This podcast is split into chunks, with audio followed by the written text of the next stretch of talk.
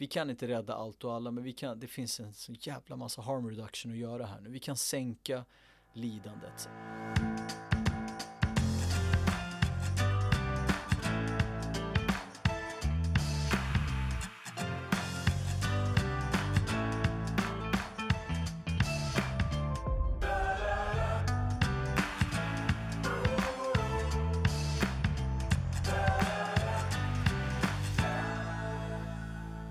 Du lyssnar på Djurens Rätts podcast på Djurens Sida.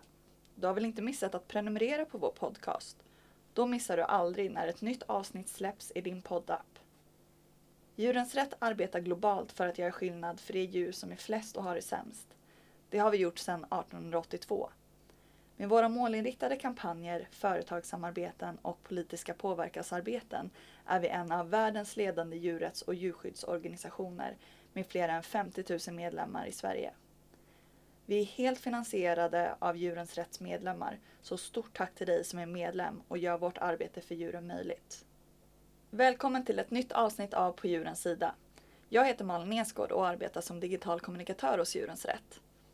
I dagens avsnitt kommer jag att prata med min kollega Linn Bleckert, kampanjansvarig hos Djurens Rätt, om framgångar med kampanjen Fur Free Europe. För hur gick det egentligen? Och vad händer nu? Det ska vi ta reda på.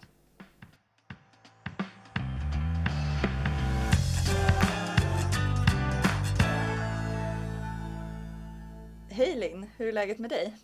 Hej! Jo, men det är, eh, det är bara bra. Nu har det snöstormen som har varit hittills i Göteborg idag har lagt sig lite så det, det känns ju skönt. Nej men så det, det är bara fint. Hur är det själv? Eh, jo men det är bra. Vi har inte fått någon eh, snöstorm hit eh, än. Men eh, jag, jag, tror att det kommer väl komma snart. Det kommer säkert. ja. Eh, nej men du har ju varit kampanjansvarig för Fur Free Europe. Skulle du vilja berätta vad det är för någonting?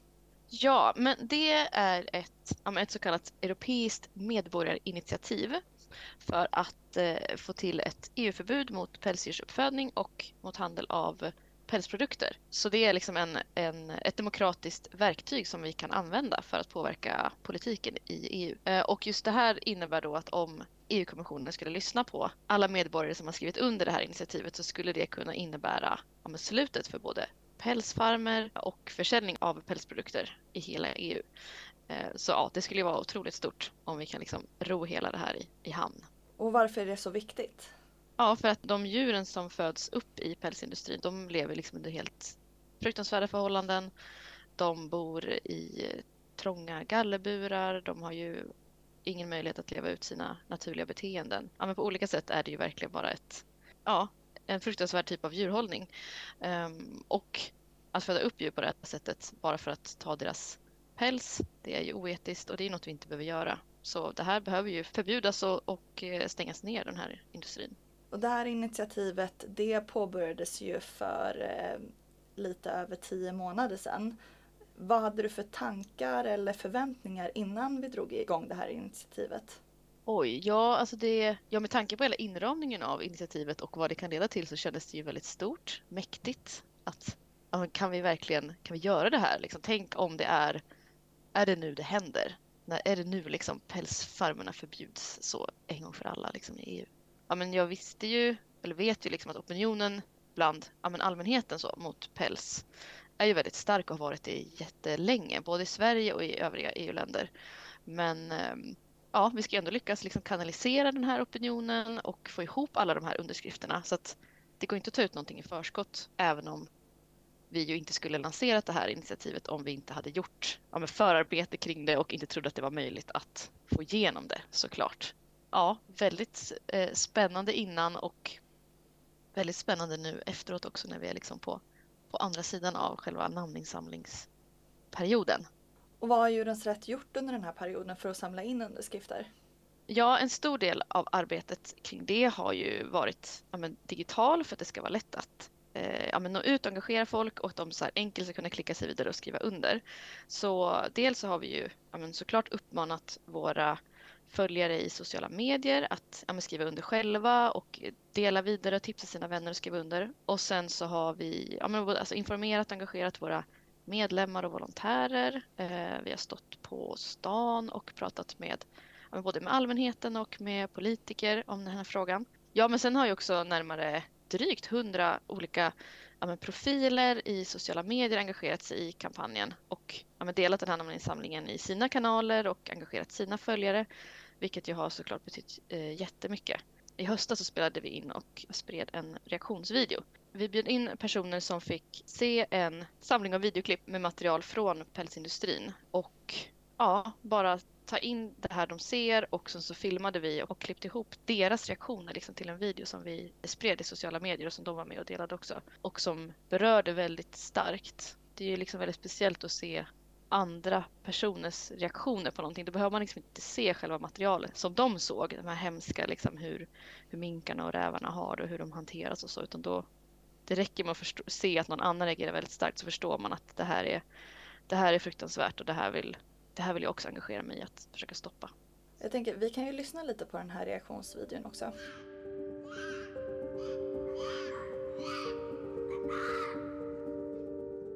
Och så stressade.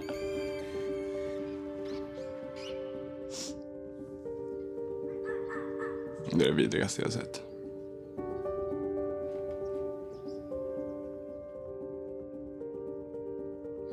Tortyr liksom. Och jag kan inte se vad det här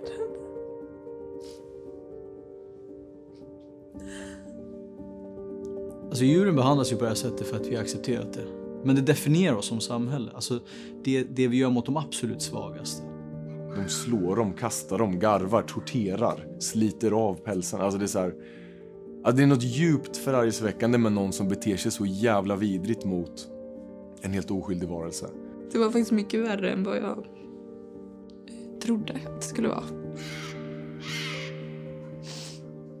Det är ju något, eh, det är ju också någonting med att, att det kan vara lättare för andra som vill engagera sig i kampanjen och få ja, men dela den och, och tipsa andra och så att sprida ett sånt här material som inte är så jobbigt att titta på på det sättet. Att det kan ju vara jobbigt för man kanske själv blir väldigt illa berörd av att få upp saker i sitt flöde som är liksom hemska så här, grafiska videor och, och sådär.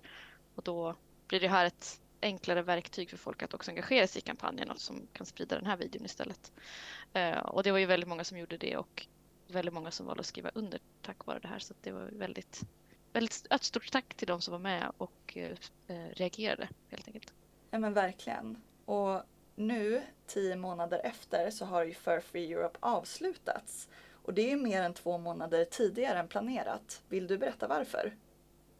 Ja, precis. Alltså, så normalt eh, sett, om man använder det här verktyget då att göra ett europeiskt medborgarinitiativ så har man eh, 12 månader på sig att samla in namnen. Det är verkligen så här, från att man börjar samla in så har du 12 månader på dig att nå upp till det här målet. Men av lite olika anledningar så valde vi att sluta det, att stänga det liksom tidigare än planerat och framförallt så är det för att det pågår en översyn av djurskyddslagen i EU och det är ju någonting som vi vill påverka såklart, resultatet av den djurskyddslagen. Eh, och ju tidigare som vi kan komma in i den processen och påverka desto troligare är att vi kan få in de här då förbättringarna för djuren som vi vill se. Av till exempel att det ska vara förbjudet att föda upp djur för deras päls. Så när vi insåg att vi hade nått det här målet för namnunderskrifter som krävs och vi har liksom nått det med råge, då var det taktiskt smartast faktiskt att avsluta uppropet i förtid för att kunna komma igång med liksom resten av den här medborgarinitiativprocessen så snart som möjligt. Det här kommer att ge förhoppningsvis ett bättre resultat av det vi vill uppnå med, med initiativet. Gud vad häftigt. Och hur blev resultatet? Trumvirvel! Nej men totalt, eh, totalt så kom det in över 1,7 miljoner namnunderskrifter. Ja men det är ju så stort. Det är ju liksom rekordstort. Och eh, av de här då så samlade vi på Djurens Rätt in nästan 100 000 namn. Så det var ju, ja, det gjorde ju liksom att vi kunde stänga det här tidigare för att det var ett så framgångsrikt initiativ och så många som har velat skriva under och visat engagemang i den här frågan. Um, mm. Så ja, jättestort tack till alla som har skrivit under och som har ja, tipsat andra att skriva under. Det betyder jättemycket. Varje underskrift gör ju skillnad, verkligen. Ja, och precis som du säger så är vi otroligt tacksamma för alla er som har skrivit under och varit med i den här viktiga kampanjen. Och eh, vi har faktiskt ett litet meddelande från fler som vill tacka. Så det ska vi lyssna på här. Hej allesammans, jag vill bara säga tack från botten av mitt hjärta till alla er som har skrivit under för ett pälsfritt Europa. Tack till dig som har skrivit under för ett pälsfritt Europa. Tusen tack till dig som har skrivit under för ett pälsfritt Europa. Tusen tack till dig som har skrivit under för ett pälsfritt Europa. Så, det där var alltså Niklas Aleryd, Evelina Forsell, Gurgin Bakir Sioglu och Ida Nordfors. Och det kan faktiskt hända att vi har någon av de här med oss i studion.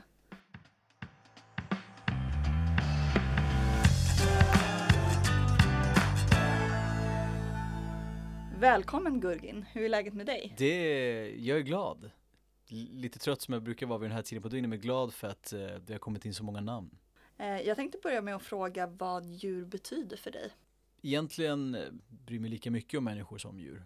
Men djuren är ju mer utsatta och det känns som att det vi gör mot dem är så oförlåtligt. Ehm, Det är mycket att ställa om så vi har liksom fostrats in i ett smutsigt system som gör att vi inte har kunnat tänka om vad djur är. För när vi gör det så måste vi lägga om våra rutiner. Vi förstår inte hur mycket finare liv vi får när vi också kan dela det med andra varelser. Vad var det från början som fick dig att engagera dig för djuren?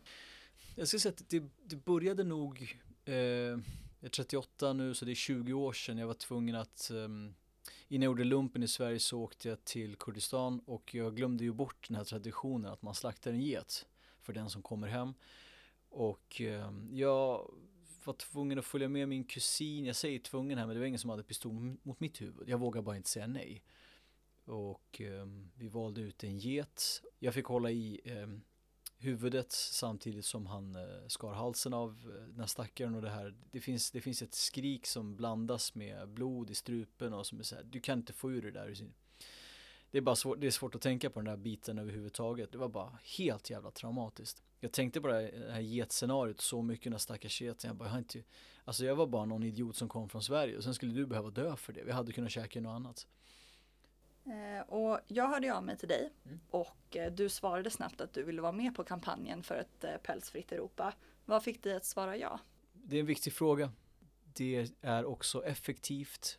Alltså, det är viktigt att man tar individuella samtal också, men man måste gå ihop i grupp, man måste gå ihop i organiserade sammanhang, säga ja till att här, jobba med andra också. Så att jag tror att det som Djurens Rätt gör helt rätt, det är att hela tiden aktivt vända sig mot Alltså inte bara så här EU, Sverige, företag, näringsliv. Alltså det är ju ett flerfrontskrig det handlar om. Eh, där liksom de stora förlorarna alltid är djuren. Så jag tror att eh, man blir en ganska dystopisk djurvän. Och man känner sig det är ändå kört.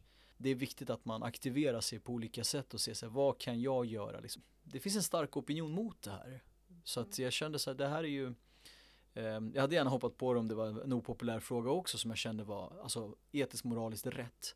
Eh, som kom med ett stort antal offer. Så jag tror att ehm, det var väl nog det jag kände. Alltså så här, in the end of the day, det handlar om att jag säger ja till dig, jag dyker upp och sen får man sitta och stirra på djurplågeri, i, vad var det, en halvtimme. Eh, det får vilken människa som helst att bryta ihop. Och sen förstår man att så här, de här känslorna jag har känner andra människor också. Om de kan spegla sig i den stunden, nice. Vi kan göra mycket och det kände jag att det var, så, det var så liten grej jag gjorde. Det är ju ni som drar det stora lasset. Mm, och precis som du säger så förutom att dela kampanjen i dina sociala kanaler var du ju med och reagerade på klipp från olika pälsdjursfarmer i Europa. Hur kände du när du såg det materialet? Alltså det är sinnessjukt. Det är, jag tror att, jag tycker att det är viktigt att alla tittar på det här. Jag fattar att det är inte är en trevlig upplevelse, men livet är inte fullt av trevliga upplevelser. Alltså livet är ganska grymt på många olika sätt. Och eh, man kan acceptera det och gå in i någon form av förändringsglädje och optimism i att så här, vi kan inte rädda allt och alla, men vi kan, det finns en så jävla massa harm reduction att göra här nu. Vi kan sänka lidandet. Ja, men verkligen. Vad är dina tankar kring att det fortfarande är lagligt i stora delar av Europa med pälsdjursfarmning? Alltså näringslivet har ett så stort inflytande. Vi tittar så enögt på det här samhället. Eh, Det som ger profit måste rimligtvis vara rätt. Eh, Och det är, det är en sån eh, utdaterad tanke. Jag förstår inte att den fortfarande är legit. Vi kan ju, och det är ju samma som när vi käkar kött. Vi har alltid gjort det. Men det är inte ett, det är inte ett argument. Det är bara att vi alltid har gjort det. Vi har alltid gjort fel. Det är det det handlar om. Nu har vi ju faktiskt gått i mål med 1,7 miljoner underskrifter och är Eh, därmed ett steg närmare ett förbud på pälsdjursfarmning i Europa. Hur känns det? Det är fantastiskt. Det, mm, jag tror att eh, sättet att fira det här på är att hålla ögonen uppe för nästa insamling. Och sen så när den går i mål, att vi firar med att hålla ögonen inför nästa insamling. Och så bara fortsätter vi. För det, är- det är så enkelt. Eh, ni har väl fortfarande de här blickstationerna? Att man, Mm. Och det är också det är så enkelt sätt att engagera sig. Folk tror att man, man måste göra någonting gigantiskt. Det lättaste är att bara öppna sin mail, klicka på det här, läs det. Vad kan jag göra? Och för dig som lyssnare, om du vill vara med i en blixtaktion så kan du anmäla dig på djurensratt.se blixtmail. Eh, Så får du eh, mail med uppmaningar på till exempel namninsamlingar att skriva under eller eh, andra sätt som du kan göra skillnad på. Är det någonting du vill skicka med våra lyssnare Gurgin? Våga se till att det skaver, lägg upp någonting, ta diskussioner. Alltså vi har chans att verkligen lyfta de här frågorna hela tiden. Eh, ta tjafset. Ta tjafset. Mm. Ja, men det är bra, bra uppmaning. Stort tack Gurgin för att du eh, engagerar dig för djuren och även var med i kampanjen för ett pälsfritt Europa. Tack själv.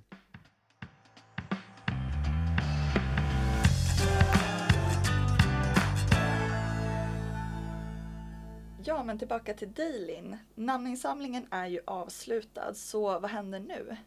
Ja, nu börjar en, en lång period av spänd väntan och lite så här administration och sånt. Nej, men nu ska alla namnunderskrifter som har kommit in, de ska valideras. Vilket betyder att de ska ja, men, gås igenom av respektive land eh, för att se hur många av dem som är giltiga. Det brukar alltid vara ett antal dubbletter som har kommit in, alltså typ att folk har skrivit under ja, flera gånger, att de inte kommer ihåg att de har skrivit under eller så. Eller att eh, någon har lämnat eh, ett ogiltigt personnummer ja, på olika sätt att de inte kan räknas helt enkelt.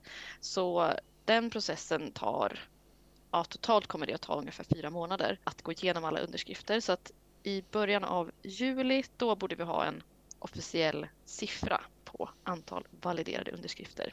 Och hur många underskrifter behövs? Ja, vi behöver få minst en miljon underskrifter, vilket ju då är liksom högst, högst sannolikt att vi får med tanke på att vi avslutade uppropet med 1,7 miljoner. Ehm, Och vi har ju gjort, varit med och drivit ett antal sådana här initiativ tidigare och av erfarenhet från dem så brukar ungefär ja, men 200 till typ 400 000 av namnunderskrifterna behöva plockas bort under den här processen. Så utifrån det så sitter vi ju ändå säkert då för att få den här miljonen. Vad är dina förhoppningar nu framåt? Ja, först och främst såklart då att vi kan liksom klara den här miljonspärren för underskrifterna. Det är ju, ja, jag är inte så orolig för att vi inte skulle göra det, men det är ändå skönt att ha det svart på vitt så här att okej, nu har vi, vi hade en miljon, det är lugnt. Men sen så börjar ju det stora, det stora nästa steget att få igenom det som vi vill för djuren i den här politiska processen. Och där är det också ett antal saker som kan ske i den här eh, processen det kommande liksom, halvåret efter att namnunderskrifterna har validerats. Eh, ja, men så det jag hoppas är ju såklart att EU-kommissionen ska lyssna på alla oss EU-medborgare som har skrivit under, som vill se ett slut på den här hemska industrin. Ja, att vi kan få liksom ett, ett pälsfritt Europa. Så jag är sådär, jag, vill, jag vågar aldrig ta ut någonting i förskott, men det känns ju ändå som att ja, men vi är ju närmare ett pälsfritt Europa, alltså närmare än vi någonsin har varit tidigare. Så att jag är ändå, jag är hoppfull. Och nu har vi också dragit igång en annan namninsamling som heter End of the Line for Factory Farming. Vill du berätta lite mer om det? Ja, precis. Eh, det är ju en namninsamling där vi ja, men faktiskt siktar liksom ännu större, ännu bredare än bara inom citationstecken EU. Eh, för den, den handlar om att få FN att anta en global överenskommelse om ett slut på djurfabrikerna. Så att, ja, att gå över till en mer hållbar matproduktion. Så det är ju inte en, det är inte en namninsamling som är en del av samma formella process som eh, ett sånt här europeiskt medborgarinitiativ. Men det är ju ett stort globalt upprop med Djurens Rätt och flera andra organisationer som driver. Eh, som ska liksom skicka en tydlig uppmaning och en tydlig signal till FN. Så gå gärna in och skriv under den på djurensratt.se end of the line. Visa att du också tycker att djurfabrikerna ska stängas. Ja, men stort tack Linn för att du ville vara med i podden och prata om det här initiativet. Det känns eh, väldigt hoppfullt nu.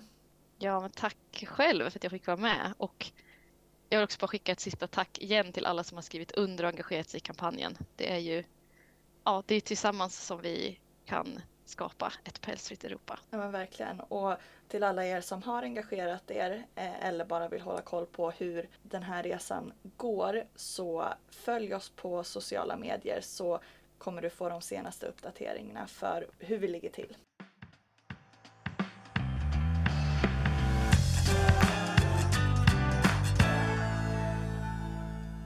Det var allt vi hade att bjuda på idag. Gillar du vår podcast så se till att du prenumererar på podden.